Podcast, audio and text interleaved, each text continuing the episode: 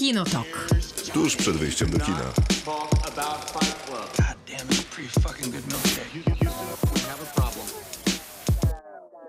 Krzysztof Majewski, dzień dobry. Maciej Stasierski, dzień dobry. Maciej jest skacowany. Troszkę tylko. Kawalerski w Poznaniu. Troszkę jestem zmęczony, no wolniej chodzę i ten. I myślę- ale mówić będę, mam nadzieję, sprawnie w miarę. Bo jesteś pijany, to być może Nie, będziesz. nie, jeszcze nie, już nie. Nie, jeszcze już nie. No tak, tak. To właśnie tego rodzaju logiczne wypowiedzi Mhm. dzisiaj będą w dużej mierze odmieniane. To Maciej, a z kolei Miłosława jest w tym momencie chyba gdzieś w Hiszpanii. Gdzieś się szuka koronawirusa. No bo w Polsce już znaleźli, to Mm, po- tak, pojechała na dokładnie, poszukiwania do więc- Hiszpanii, szuka pacjenta zero, wróci do nas niebawem, wróci do nas już wtedy, kiedy będziemy na antenie Radia Ram, bo takie są ogłoszenia duszpasterskie, że będziemy na antenie Radia Ram od godziny 22 do północy w każdy poniedziałek. Absolutny prime time, absolutny. No myślę, że będą nas słuchać miliony. Tak też Taki sądzę, do czego uprzejmie zapraszamy. Też, oczywiście. Naturalnie. Przypominamy też Coca-Coli, że wiecznie czekamy na ich maila z propozycją sponsoringu stałego. Jest to najlepszy napój, chociaż nie, nie możemy ich reklamować. Nie możemy? No raz, że to jest ohydna korporacja, która robi wszystko źle. To jak tak powiedziałeś, to już nie dostaniemy tego maila. Dzisiaj też będzie o prawdzie Hirokazu Koredy. Będzie też e, druga część Sali Samobójców, czyli Jan Komasa powraca z filmem po sześciu miesiącach. Czyli e, czyżby stawał się drugim Patrykiem Wegą? Raczej nie, myślę, że tak po Raczej prostu nie. się złożyło. Hater się nazywa ten film, Sala Samobójców 2 w zasadzie jest pod tytułem, mimo że występuje przed haterem. A to dlatego, że ten film miał się nazywać po prostu Hater, ale nazywa się Sala Samobójców 2, ponieważ kiedy tworzyli film, to pojawiła się możliwość tej gry, która też się pojawiała w pierwszej części. Wytłumaczymy to, kiedy będziemy o tym filmie rozmawiać, co wydarzy się za moment. Będzie też o niewidzialnym człowieku. I o cóż za piękny dzień w filmie o Fredzie Rogersie. A właściwie nie do końca o Fredzie Rogersie. A to też odpowiemy dlaczego. Dziękujemy za to, że jesteście z nami. Jest nam szalenie miło jak zawsze. Chciałbym powiedzieć, że wyzwanie z zeszłego tygodnia się nie udało. Nie uzyskaliśmy dwóch udostępnień pod postem na Facebooku informującym o nowym odcinku. Nie. O. Znaczy uzyskaliśmy dwa, ale to byłem ja i ty. A, no to tak, no to, no to są dwa. No to są dwa, to teraz chcielibyśmy cztery. Tak, chcielibyśmy cztery Od i żeby, ciebie. żeby Miłka nie ciebie. była tą trzecią. Ale to i tak byśmy mieli jedno, to y, takie nowe. A, no, no, Spoza a- a zespołu. Miłka nie udostępnia? No udostępnię, no ale jak... Dobra, nieważne. Zacznijmy. Fight Club. Kinotok. Film. Sala Samobójców 2 Hater Jana Komasy. Sześć miesięcy minęło. Jan Komasa pojechał do Stanów Zjednoczonych. Nie odebrał Oscara niestety, ale Boże Ciało nominowane do niego było. Za to Bartosz Bielenia pojechał do Berlina na festiwal Berlinale i tam odebrał European Shooting Star 2020 razem z paroma innymi osobami. Zresztą e, miałem to sprawdzić, a nie sprawdziłem. Czy Jakub Gierszał odebrał European Shooting Star za film Sala Samobójców 1? Nie sądzę. Ale odebrał European Shooting Star. Ale tak chyba nie za, to, nie za ten film. No to szkoda, bo myślałem, że to Jan Komasa wysyła ludzi do Berlina po odbieranie prestiżowej statuetki. Ta statuetka jest przyznawana już od ładnych y, kilkunastu czy nawet dziesięciu lat i zwraca uwagę na młodych, zdolnych aktorów i aktorki, które No to następny dostanie Paweł Maciej Musiałowski. Biorąc pod uwagę jego występ w filmie Sala Samobójców 2 Hater, to jest to Mhm. bardzo wysoce prawdopodobne. Powiedziałbym, że historia jest prosta, ale wcale nie jest prosta, bo jest pozornie prosta, ale opowiada o chłopaku, który przyjechał z mniejszej miejscowości, jak dowiadujemy się w fabuły. Aktualnie studiuje prawo, ale już minutę później jest na rozmowie, zgaduję, że u dziekana, który mówi mu, że popełnił plagiat, więc wypadł ze studiów. Wspaniała jest ta scena, tak swoją drogą, w której dziekana gra ojciec Jana Komasy Wiesław. Mówi mu takie sakramentalne zdanie, że na Wydziale Prawa złamał pan prawo. I w tym momencie już się dowiadujemy, jaki będzie klimat tego filmu, jak bardzo wszystko w nawiasie będzie stawiane w tym filmie, bo ja studiowałem prawo, nawet je skończyłem. To I jest stary żart. Nikt nie pyta, ale były student prawa, czyli absolwent albo student prawa i tak ci o tym powie. tak, yy, tak? To, no, to jest Yy, stary żart. Nie? To tak samo jest z weganami. Że co? No nikt, cię, nikt ich nie pytał, Ale- jaką ale- mają dietę, ale, ale, i tak powiedzą, wiesz. że ten, aha, no rozumiem. Ale w, ka- w każdym razie na Wydziale Prawa łamie się prawo. Jakby Znaczy pijecie alkohol w doznaje- miejscu doznawa- publicznym, czy? Nie, no raczej, raczej z punktu widzenia y, kader takiego wydziału jest prawo łamane dość regularnie, bo moim zdaniem. Prawa studenckie, regulamin studiów i tak dalej, i tak dalej. Znaczy chcesz się, Nie przy... traktuje się ludzi poważnie tak na takich wydziałach. chcesz się podzielić jakąś Nie, dramatyczną, nie, traumatyczną absolutnie nie. historią? Chciałbym kontynuować rozmowę o hejterze. Ja mogę zadzwonić do prokuratury. Ja też mogę. Znam tam ludzi, Znasz? No ja, ja też znam. Ale z autopsji? Nie, na szczęście nie. Tak się zaczyna ten film. Chłopak nie chce za bardzo podzielić się tą informacją o tym, że został wyrzucony ze studiów. Tomek się nazywa. Tomek zresztą. się nazywa zresztą, którego gra właśnie Maciej Musiałowski i proszę nas nie poprawiać, to nie jest Maciek Musiał. Nie, nie jest to Maciek Musiał i y, to widać już po, nie tylko po twarzy, ale też po talencie. Skali talentu. Z, z całym szacunkiem dla Maćka Musiała, bo on pewnie zrobi większą karierę i zrobi więcej pieniędzy w życiu, ale faktycznie Prawdopodobnie tak. Maciej Musiałowski jest chyba aktorem zdolniejszym.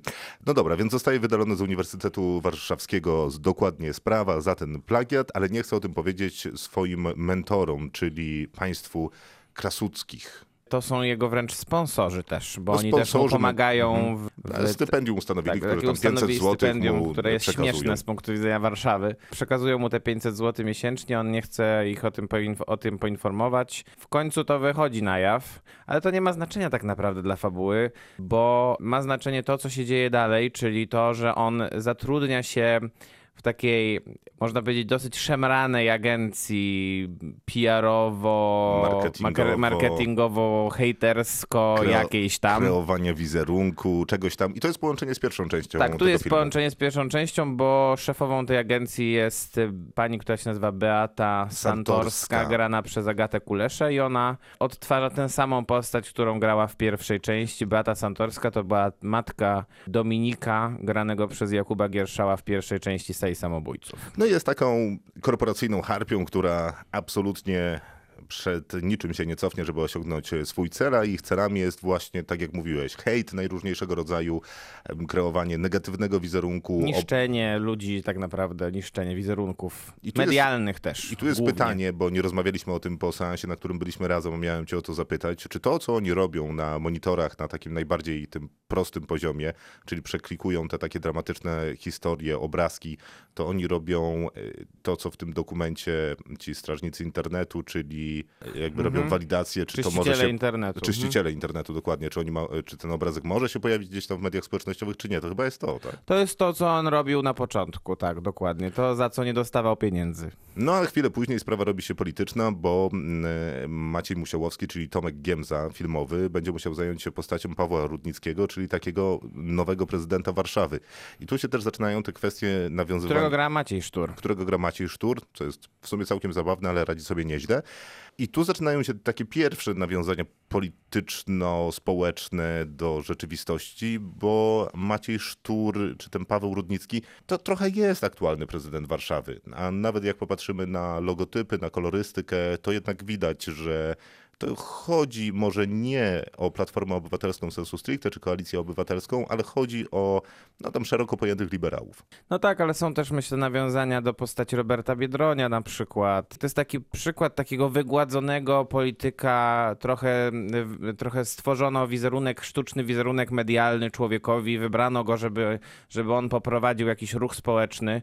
Ten ruch społeczny jest dosyć określony i on tutaj odpowiada aktualnej opozycji w Polsce, czyli jest to taki ruch elitarystyczny, bardzo mocno oparty na dążeniu do pseudo określonej wolności, tak bym to powiedział, i jakieś tam, nie wiem, otwarciu na inność, to Tak, tolerancję i tak Ten dalej. Paweł Rudnicki, grany przez Macieja Sztura, wygłasza przecież takie orędzie w telewizji, że zapraszamy wszystkich do Warszawy. Ciebie, ciebie, psy, koty, Psy, koty, wiewiórki. I w tym momencie jest wspaniała scena, w której em, państwo krasudcy grani, grani przez Jacka Komana i Danutę Sterkę krzyczą do, do telewizora, że kto mu pisze te teksty i... Nie, no e, jak on to wygra, to mu jak przecież- on to wygra, przecież jak on tego nie wygra, wygra, to, to przecież coś mu się stanie i tak dalej, więc no, żeby tutaj nie używać wulgaryzmu za dużo. które są używane w filmie. E, Państwa Krasuckich córką jest Gabi Krasucka, grana przez Vanessa Aleksander.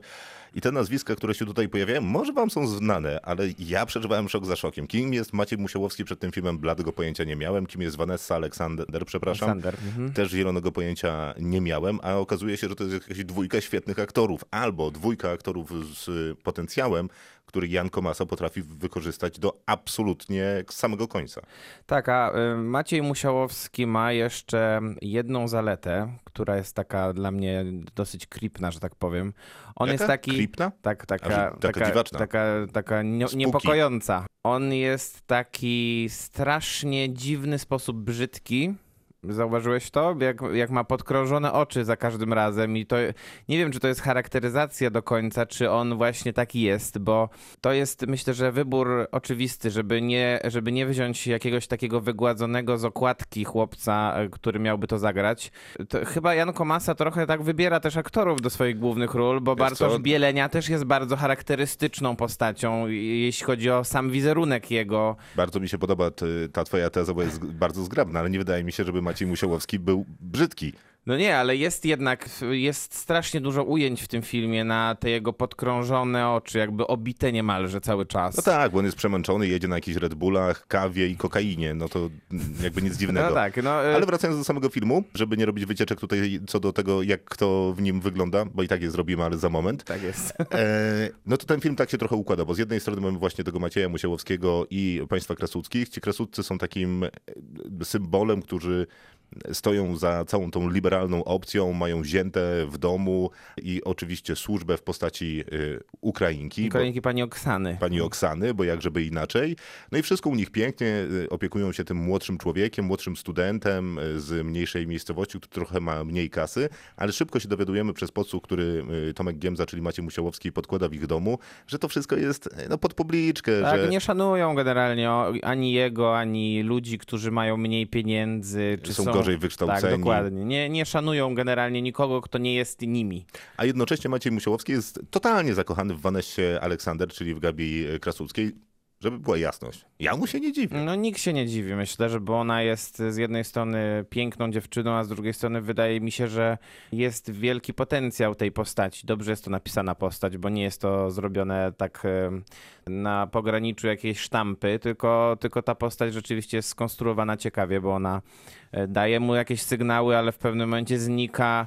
Ale najważniejsze w tym jest, w tej relacji jest to, że to nie jest najważniejsza relacja w filmie. No, bo, ale, bo jest nie to jest jedna to z, ale jest to jedna z ważnych osi tego filmu i jest to równie dobre jak pozostałe, bo napisanie takiego młodzieńczego romansu, w którym bywa się w klubach warszawskich, chodzi na imprezy, pije alkohol, no to wcale nie jest łatwe, żeby nie popaść w śmieszność, bo w zasadzie dobrze to zrobiono we wszystkich nieprzespanych nocach.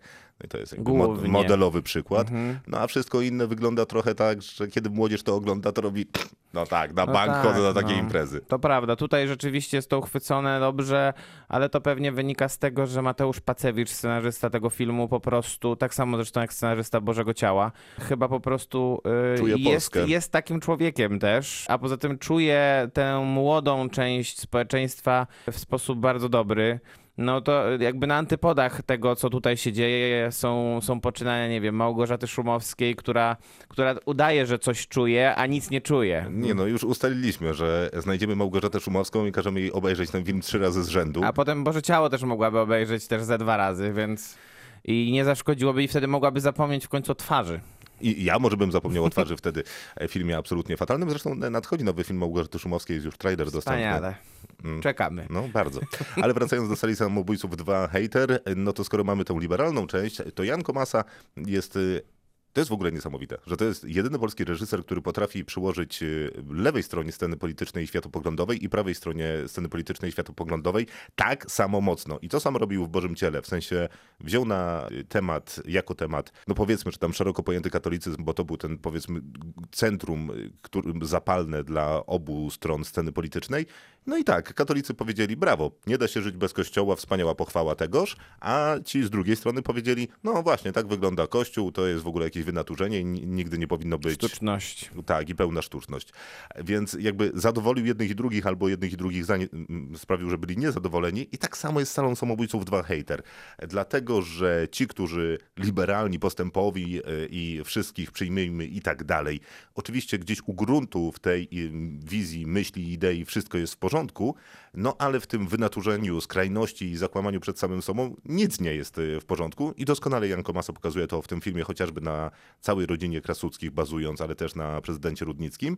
Ale tak samo obrywają e, prawicowcy, e, którzy u gruntu w konserwatyzmie jako tako też nic złego nie ma, dopóki go nie wynaturzymy i dopóki nie popchniemy go w skrajności. No a tutaj mamy z kolei senatora, który też ma zresztą pomoc w Tak, postaci Ukrainki. Świetlana tym razem, żeby, żeby nie było wątpliwości, nie? Więc no tak.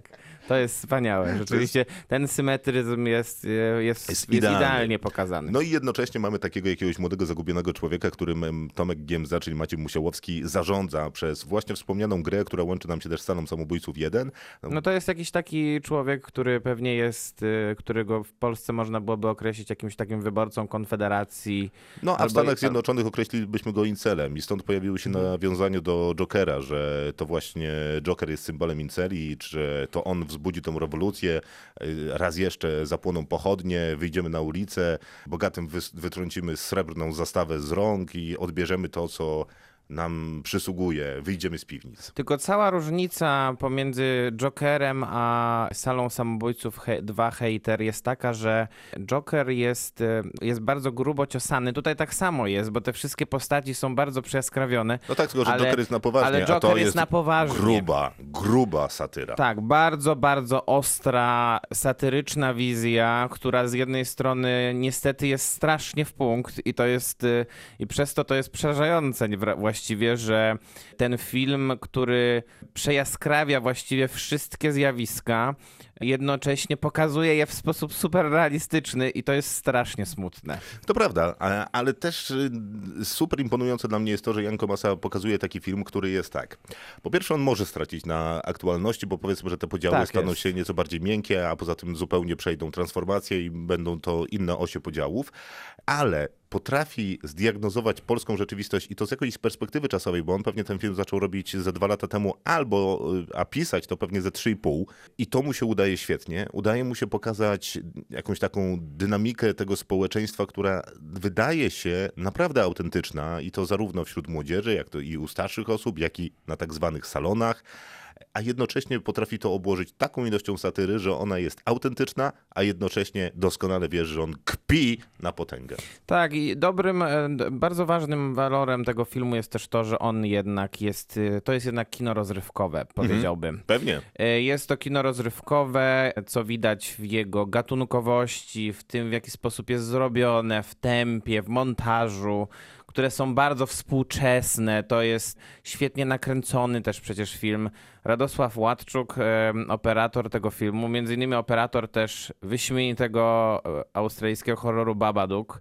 To jest postać, którą warto znowu przypomnieć sobie, bo poprzedni film Jana Komasy, czyli Boże Ciało, kręcił Piotr Sabaciński Jr. Widać, że to nie jest, e, to nie jest jakaś taka e, stała współpraca. Komasa wybiera sobie po prostu najlepszych ludzi, a poza tym e, no warto jednak wspomnieć tutaj o castingu. Casting jest absolutnie wybitny w tym filmie. I coś jest y, z Janem Komasą takiego, że Jakub Gierszał, no w zasadzie dzięki sali samobójców. Tak. Bartosz Bielenia, no w zasadzie dzięki Bożemu Ciału.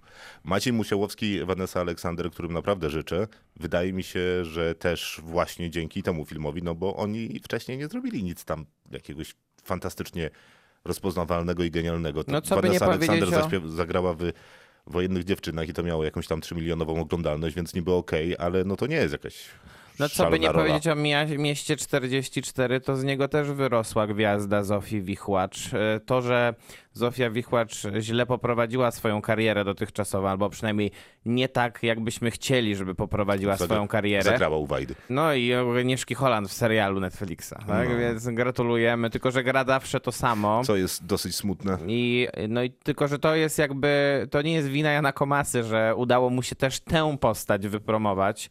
No ale tutaj warto zwrócić uwagę też na casting drugoplanowy, bo on jest równie istotny co do, te, co do, ten, co do tego pierwszego planu. Jacek Koman w każdym polskim filmie to byłby całkiem niezły postulat, myślę. Tak, ale Danuta Stenka, która rzadko też grywa w kinie ostatnio. Zresztą Ostatnio w ogóle... w Wilkołaku i to też była bardzo mała rola. Tak, no to tutaj ma też ciekawą rolę. To nie jest taka. Znaczy oni chyba mają taką, y, w sensie Jacek Koman, Danuta Stenka, oni tworzą trochę jedną postać. Trochę jedną postać, ale dobrze są dobrani, bo można byłoby ich dobrać, można byłoby wskazać tutaj jakichś innych aktorów, którzy by w ogóle nie czuli chemii do siebie na ekranie, a tutaj jest ewidentnie ten.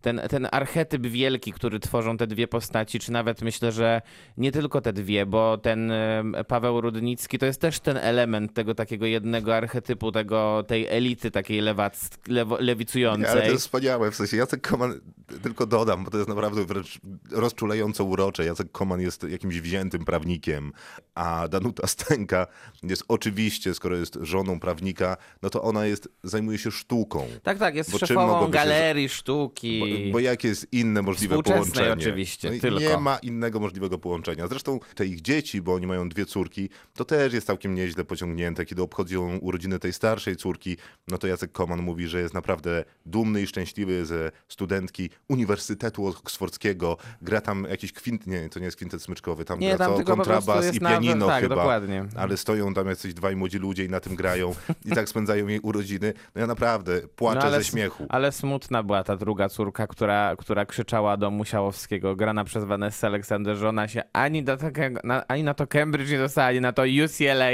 i wszędzie jej nie, nigdzie jej nie przyjęli. A czemu? A on, a on został wyrzucony z Uniwersytetu Warszawskiego, nie? Więc tak, nie, jest taki spory kontrast jednak między nimi.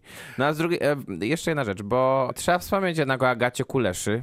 Ona dawno nie występowała w solidnej roli filmowej. Ona tutaj najbardziej szarżuje, bo ma też taką najbardziej przeszarżowaną rolę do zagrania, ale z drugiej strony wydaje mi się, że to ma jakiś smak.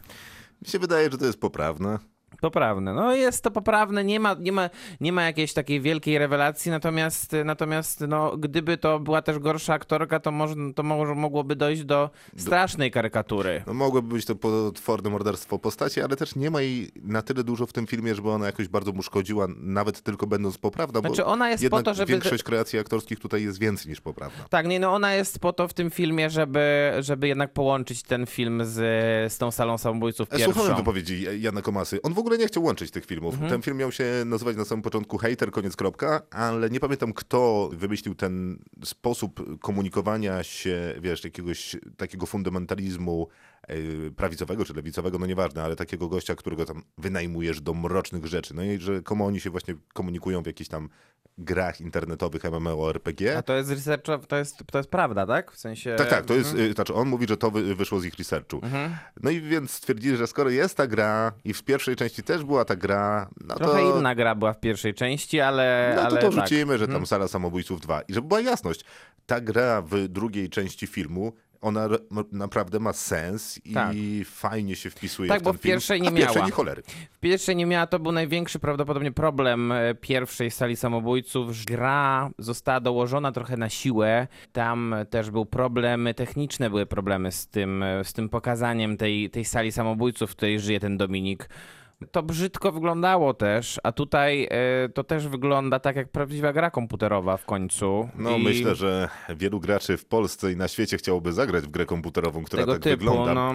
Inna sprawa jest taka, że mimo, że to jest naprawdę świetny film i nie sądziłem, że da się robić filmy, które są aktualnie polity- y, aktualne politycznie i potrafią krytykować całą scenę polityczną e, i pewnie dużo postaw takich e, światopoglądowych e, w społeczeństwie w sposób znakomity, to ten film się zestarzeje dosyć szybko. no i co? Nie nic. Proszę koniecznie pójść do kina. No to jest Koniecznie. przecież wspaniałe kino. Kinotok. Film. A teraz czas na Niewidzialnego Człowieka, czyli film, który jest drugim remake'iem i to jest w ogóle dosyć ciekawa historia. Lee Whannell ten film przygotował, na swoim koncie ma już trochę filmów. O tym jeszcze powiemy, w sensie o jego wcześniejszych filmach, a teraz sam Lee Whannell i Niewidzialny Człowiek mówię, że to remake, dlatego, że to jest największa klasyka klasyki, jeżeli chodzi o horrory, czyli tak zwane Universal Monsters. Do tej ekipy należała Frankenstein, należał Niewidzialny Człowiek, należał Dracula i ileś tam jeszcze innych postaci. No ale to początek Universal Monsters to są jakieś początek lat 20. i końcówka lat 60., więc no raczej dosyć XX dawno. wieku. Tak, więc raczej dosyć dawno. No I- tak, no pierwszego niewidzialnego człowieka nakręcił James Whale, dobrze mówię? Czyli reżyser między innymi pierwszego chyba Frankensteina, czy narzeczonej Frankensteina. Narzeczonej Frankensteina. Mm, O którym też zresztą był bardzo ciekawy film kiedyś, e, Gods and Monsters, tam go grał Ian McKellen, nominowany zresztą za tę rolę do Oscara. Więc no klasyka klasyki, to jest, e, to jest jeśli chodzi o horrory. Lee miał dosyć trudną robotę, dlatego że musiał zająć się klasyką klasyki, a mierzenie się z klasyką klasyki jest problematyczne, ponieważ wszystko już pokazano, a zwłaszcza w tak starym filmie i tak starej postaci jak Niewidzialny Człowiek, ponieważ no, Dracula jest teraz tak samo straszny jak Adam Sandler. Jak Adam Sandler w Uncut Gems? No na- Adam Sandler w Jack and Jill? Nie, Adam Sandler w coś tam w muzeum o północy. Nie, to tam grał Ben Stiller, ale No ale to e, dobra, ten sam poziom straszności. No tak, to jest duży problem, myślę i em, dobrze, że została zmieniona oś fabularna tego filmu, bo na początku pierwszej, drugiej dekady lat dwu, e, dwutysięcznych została, by, był, był pomysł, żeby w tym filmie główną rolę zagrał Johnny Depp.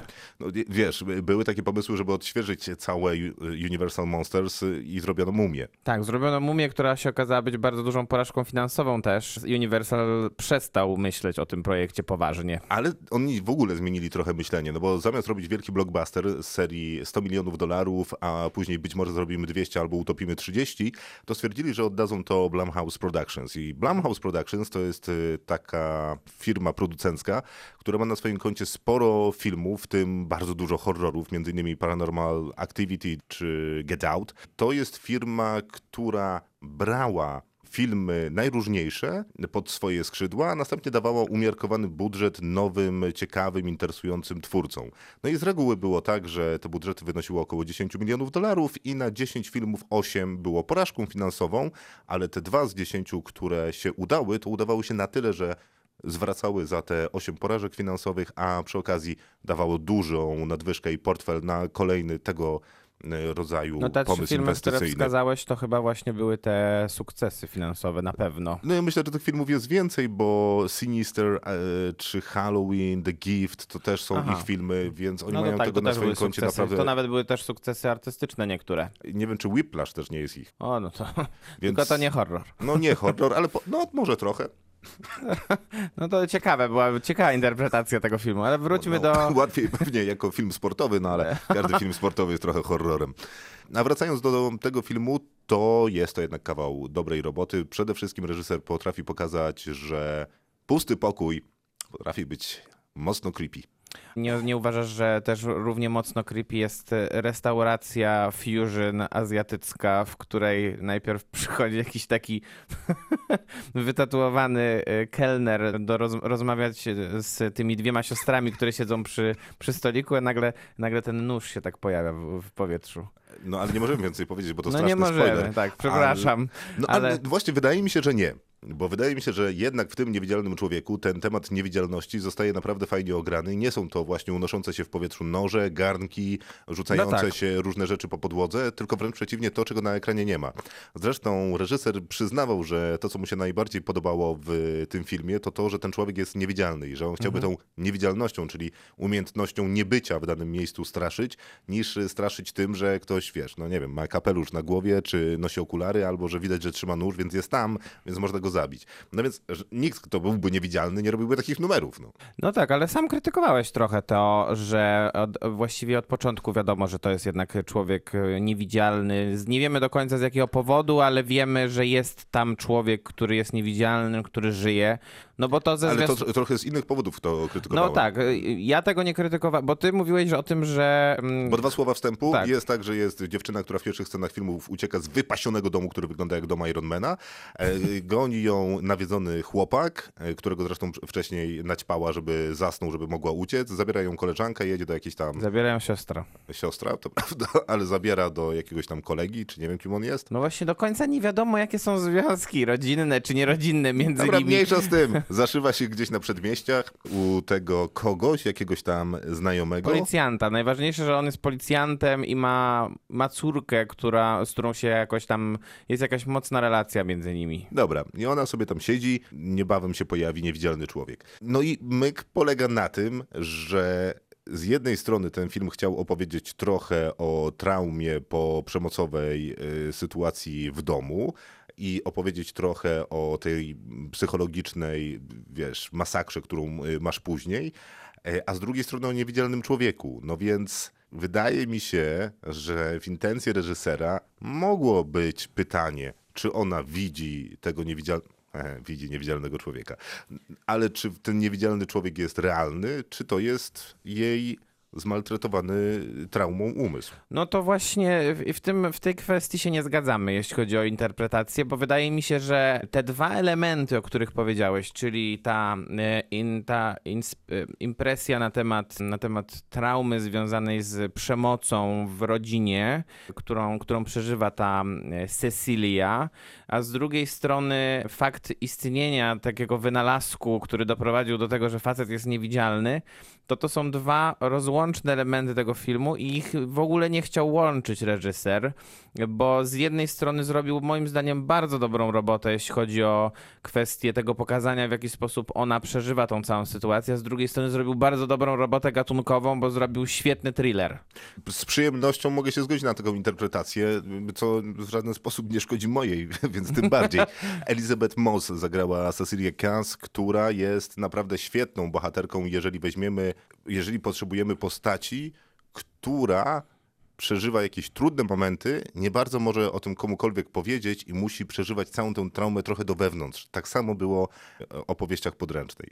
Elizabeth Moss jest wyśmienitą aktorką i w ten film to pokazuje w bardzo jasny sposób.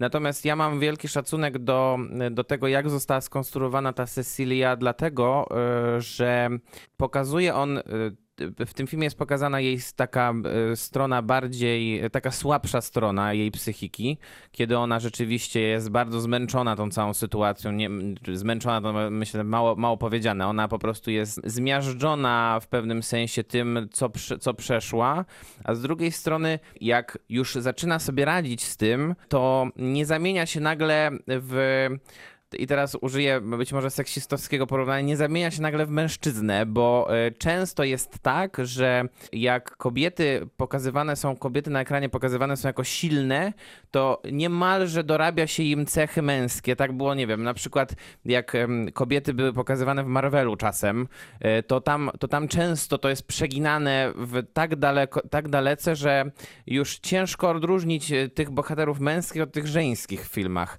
Tutaj tego nie ma. Po ta bohaterka jest silna, ale z drugiej strony jest y, wciąż y, niesamowicie y, ciekawie skonstruowaną kobietą. No, a ty o Elizabeth Moss, a ja chciałbym przypomnieć, że w filmie gra też Michael Dorman. I jest to, to jest brat tego przemocowego męża, który gra prawnika. Łącznie jest go minuta 30 na ekranie, nie jestem nie, w stanie nie, go zapomnieć. Jest go dłużej, jest to nie. najgorszy aktor w historii Hollywood. Zabierzcie tego typa. Po prostu straszna porażka. W każdym razie, film naprawdę się udał i na tyle ciekawy, że obejrzałem wcześniejszy film Łonela, który chyba nie miał dystrybucji w Polsce. Nazywa się to Upgrade. Matko, jakie to było super. I nie miał dystrybucji w Polsce. Chyba nie miał. Szkoda, bo widać, że facet. E, Znalazłem go na YouTubie za grube pieniądze. Dwa słowa tylko powiem. Gościowi zabijają. Jest, okay. jest bliska przyszłość. Gościowi zabijają żonę, a jemu przerywają rdzeń kręgowy. Przychodzi jakiś tam genialny wynalazca i wszczepia mu chip. No i ten chip jest super inteligentny i sprawia, że on zostaje ninją w zasadzie. To I gada do niego. Iron Man. Nie, nie, to jest bardziej jak Venom, bo ten chip Aha. do niego gada i on się z nim wykłóca. Więc to jest trochę taki Robocop, trochę taki Venom. Jest dużo fajnych scen walki i generalnie wszystko tam jest dobrze. Czyli facet ma dobre podejście do gatunkowego kina. Oj, no wybitne, mhm. ale takie w duchu lat 90., ale nie, że w duchu lat 90. kiczowatych, wiesz, buddy movies, tylko mhm. w duchu lat 90., czyli filmów, które były dobrymi, mocnymi sensacjami czy thrillerami i które wtedy były blockbusterami w kinach. No to super, tylko to cze- czekamy na kolejne jego filmy. Mam nadzieję, że polscy dystrybutorzy pójdą po rozum do głowy, bo szczególnie, że ten, że ten reżyser na pewno nie zniknie po sukcesie e, The Invisible Man, bo ten film po prostu zarobił bardzo dużo pieniędzy też już na świecie. Tak, 7 milionów budżetu, 50 milionów zarobione, więc razy 7 to jest chyba niezły pieniądz. A to nie jest jakby ostatnie słowo tego filmu zapewne. No i mam nadzieję, że Elizabeth Moss też w końcu wyrwie się trochę z telewizji, bo ona jednak jest trochę Nie, czwarty zakopana sezon w telewizji. Podręcznej. Ja wiem, ale, ale widać, że widać, że zaczyna chyba równoważyć trochę telewizję i film, bo w wielu filmach też gra.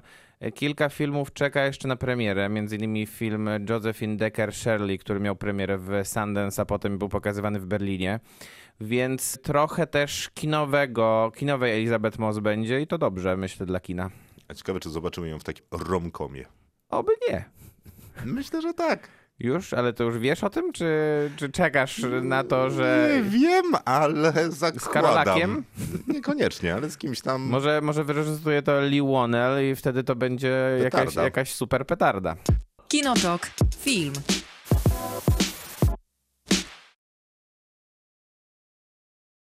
Czas naprawdę Hirokazu Koredy, która jest już do obejrzenia w kinach i która nie jest filmem, który trzeba koniecznie zobaczyć, niestetyż. No niestety, Hirokazu Koreda chyba jest kolejną ofiarą takiego syndromu, kiedy zmienia się swój ojczysty język na jakiś inny, zmienia się stylistykę kulturową też na inną.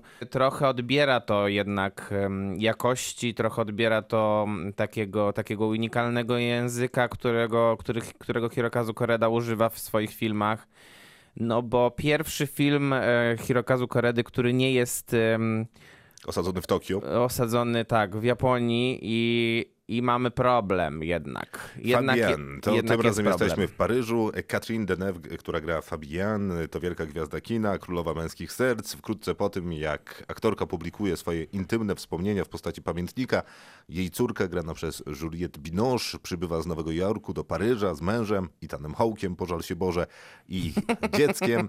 I ponowne spotkanie matki i córki szybko zamienia się w zaciętą konfrontację. W jej trakcie miłość zderzy się z dawnymi urazami, a tajona przez laty prawda w końcu ujrzy światło dzienne. Tak kino świat. No i to są bzdury Też Velvet straszne. Spoon pisze no, o tym filmie. No nie, no nie są bzdury, to mniej więcej tak jest. No nie, ale jednak t- ten opis jest dużo bardziej emocjonujący niż cały ten film jest. No, I, em, I jakiś konfront... Nie ma, nie ma żadnej takiej konfrontacji. To nie, Nie, jest, to nie jest taka mocna. Ale to nie no, jest taka konfrontacja, jakiej byś się spodziewał po Catherine Deneuve i Juliette Binoche na jednym ekranie. W skrócie film opowiada o podstarzałej aktorce, która nie chce się, pog- nie może pogodzić się z tym, że jej czas trochę już minął. Są Tak. nowe aktorki, które być może są równie zdolne, a może nawet bardziej niż ona. Yy, Co z tego, że ona ma dwa Cezary na swoim koncie?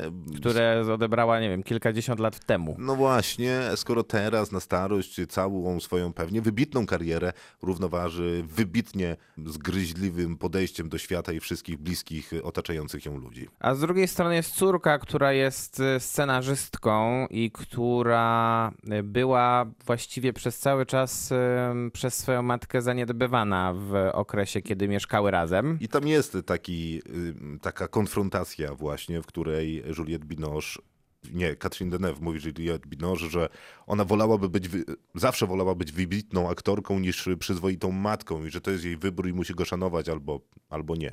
Ale tak no tak, ale było. y, czułeś tak dużo tych emocji, o których Ale nie, mówi w ogóle, dystrybutor? W ogóle. Y, Wydaje mi się, że jest to chłodny film przede wszystkim. Chłodny, bardzo, jest zaskakująco chłodny, szczególnie jak na Hirokazu Koredę, który przyzwyczaił do tego, że z bardzo prostych, takich rodzinnych historii jest w stanie wycisnąć strasznie dużo emocji. Wiesz, Powiem inaczej. Najbardziej taki czuły, wzruszający, fajny, ciekawy, miły wydaje mi się ten motyw z żółwiem.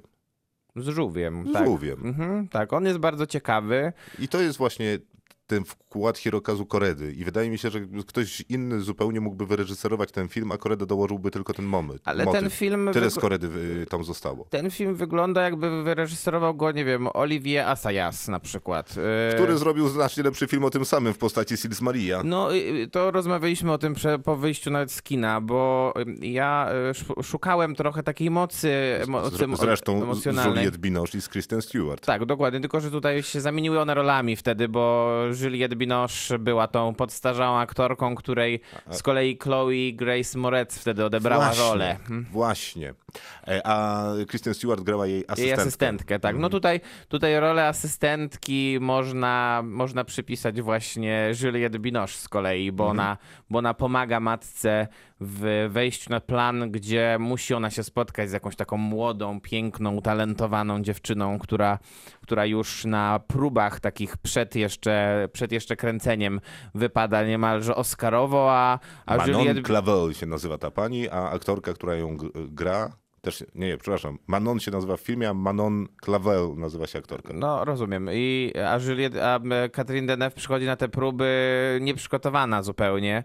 Jest straszliwy kontrast między, między nimi i widać, że, że prawdopodobnie postać, którą gra Deneuve za, za czasów tej swojej młodości właśnie tak wypadała też na tych próbach. I, być może też przychodziła nieprzygotowana, i- ale w niczym to nie przeszkadzało. Tak, i wtedy, tylko że wtedy nadrabiała charyzmą i, i tak dalej. Tutaj już po prostu widać tę, tę starość i to zmęczenie pewnie też aktorstwem, które, które nie rysuje się na twarzy Catherine Deneuve i to jest dla mnie trochę, nie, trochę jakby niewiarygodne w tym filmie, bo Catherine Deneuve jest wyśmienitą wciąż aktorką, wybitną. No, ale ma tam taką e, zaaranżowaną scenę, w której ona wreszcie zagrała ten ważny moment w taki sposób, w jaki chciała. I to Mhm. jest kawał dobrego aktorstwa. To jest, ale to, ja- nie mówię, że, to jest, że tu jest złe aktorstwo, tylko że ona jest nie, dobra, nie za dobrze dobrana chyba do swojej postaci, bo e, Znaczy, tro, trochę nie, nie jest... Żeby nie, była jasność, ten film, w którym Catherine Deneuve gra z tą młodą aktorką Manon, to jest film, w którym Catherine Deneuve gra córkę tak, tej młodszej. tej młodszej. A to dlatego, że ta młodsza, Jakaś czyli taka matka, piramidalna konstrukcja science jest fiction. schorowana i leci y, w kosmos, gdzie się nie starzeje i co 7 lat wraca odwiedzić swoje dzieci. No ale te dzieci się starzeją, a ona nie. Czyli taka sama odpowiedź jak w filmie Wiek Adeline Tak, tak. Jest. z Blake Lively. Blake Lively. No tam ten film był słabiutki. Strasznie. I, I zresztą ten film, który oni kręcą w tym filmie, też, wyda, Też wydaje się i zapowiada taki się straszny na szrot, no. No, no, to prawda. Jakby y, to, co zostaje z, z Hirokazu Koredy y, w tym filmie, Poza żółwiem. poza żółwiem, to jest pewnie też, to jest pewnie e, cała postać e, grana przez Juliette Binoche. Wydaje mi się, że ona jednak jest tutaj mocniejszym elementem obsady niż, niż Deneuve, bo, bo Deneuve też ma troszeczkę taką postać opartą na strasznych takich stereotypach i No takich właśnie. uproszczeniach. Niestety nic nowego na temat aktorki w podeszłym wieku y, Hirokazu Koreda nam nie powiedział. Mm. Naprawdę. To już, jest, koń- to już w Sirius Maria były powtórzenia, a to są powtórzenia powtórzeń. A Tak, jeszcze no bo- mamy tutaj Itana Hołka. Bo przecież ja, jak z kolei jak rozmawialiśmy po wyjściu z kina, to ja mówiłem o tym, że szukałem trochę tutaj Bergmana y, z jesiennej sonaty, a tutaj no, no wiesz, y, Hirokazu Koreda jest, y, jest reżyserem, który, który potrafi wyciskać bardzo dużo emocji i jest człowiekiem, który, który jest kojarzony bardzo z artystycznym kinem, więc tym bardziej taki letni film, y, o którym nic nie pamiętam już za bardzo, jest rozczarowaniem po prostu. Zdecydowanie za dużym rozczarowaniem niż można było się spodziewać. Prawda jest w kinach, proszę ocenić samemu. Zdecydowanie nie polecam, bo chciałem tylko dodać na sam koniec, że gra tam Ethan Hawke, który wydaje mi się, że zakończył Którego swoją... nienawidzisz. Od, pierwsze, od pierwszego reformowanego, który jest chyba najgłośniej komentowanym filmem w Stanach Zjednoczonych przez ostatnie dwa lata. Dlaczego on nie dostał nagród i Oscarów? Ja znam odpowiedź na to pytanie, bo jest to Jest to, denny, jest to straszny fatalny film. Tak, ale to przypomnę, to co, ci, to co ci też powiedziałem, to jest najwspanialsza anegdota dotycząca pierwszego reformowanego, że Paul Schrader, reżyser tego filmu, I scenarzysta, nie wiem, taksówkarza. umieścił ten film na swojej liście najlepszych filmów dekady na pierwszym miejscu. Umieścił swój własny film na pierwszym miejscu swojej listy najlepszych filmów dekady od 2010 do 2019. Naprawdę niezły, niezły troll z niego. Słuchajcie, polecam pierwszego reformowanego. No, większej bzdury nie zobaczycie. To, wydaje mi się, że dokładnie tak Amerykanie myślą, że, że tworzę europejskie artystyczne Tak, kino tak, dokładnie. i to jest pierwszy reformowany w wykonaniu y, Amerykanów. Dokładnie no, to jest tak. po prostu jakaś porażka. Kinotok. Film. A na koniec film, o którym już tyle powiedziano, że mam wrażenie, że wszyscy go obejrzeli cztery razy. A obejrzałeś? Nie.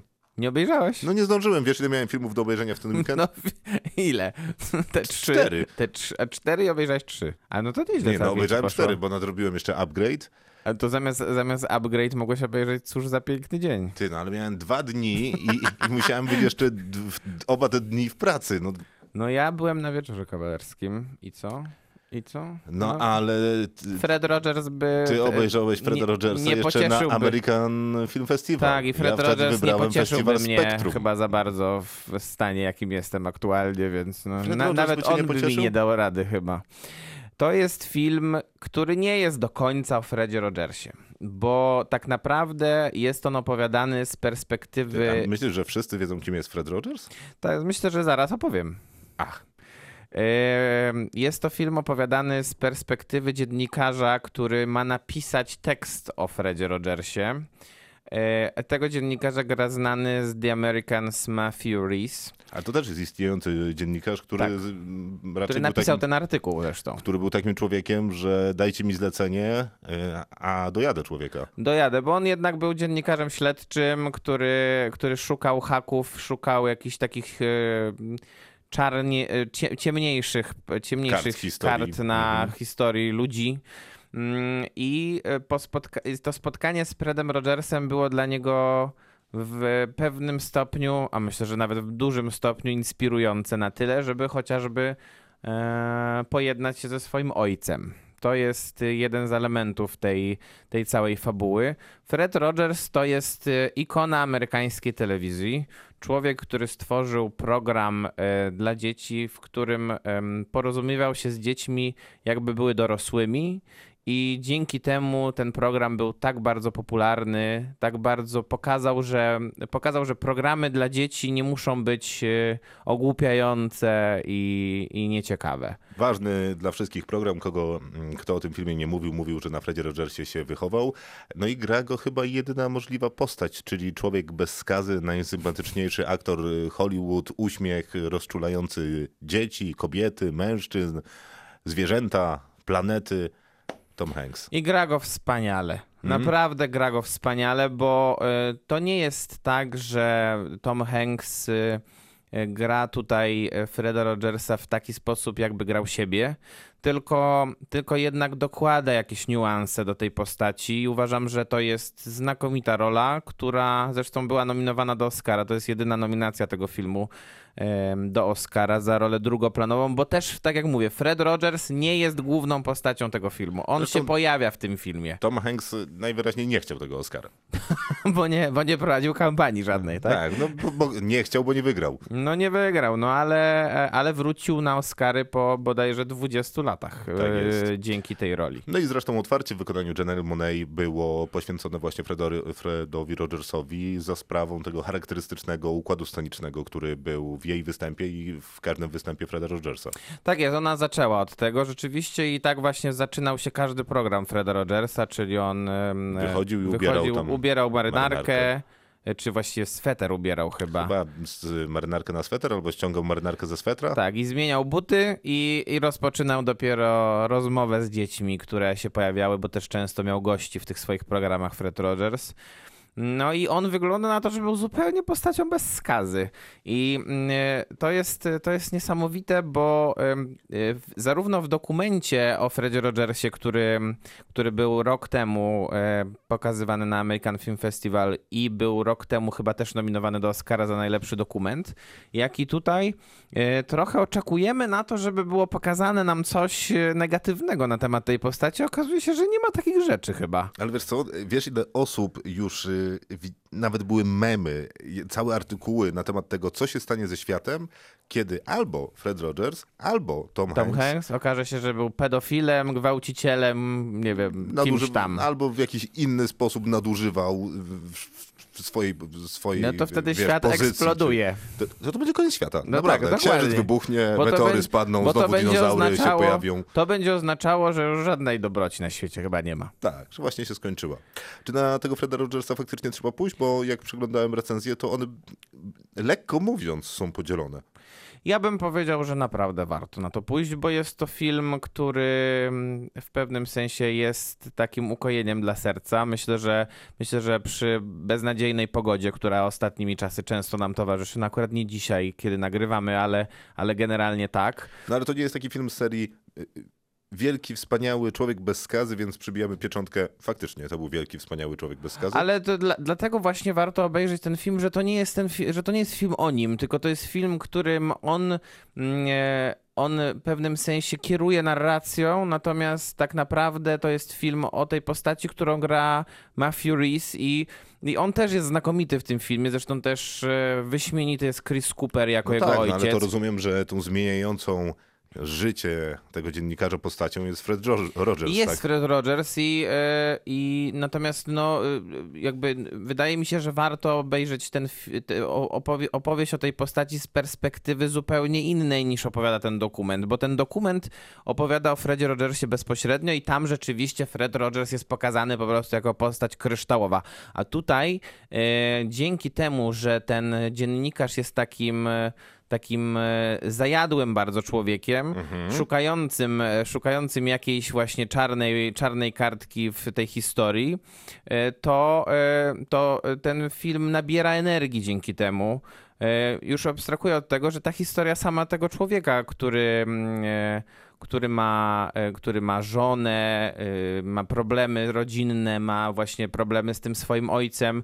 E, Sama ta historia jest interesująca i tutaj jest też dobrze podana, bo reżyserka Marielle Heller to jest pani, która potrafi budować narrację i pokazywała to już parę razy, bo między innymi w filmie który w zeszłym roku, który, do, który do, doprowadził Melissa McCarthy do nominacji do Oscara w zeszłym roku, który niestety w Polsce się nigdy nie pojawił.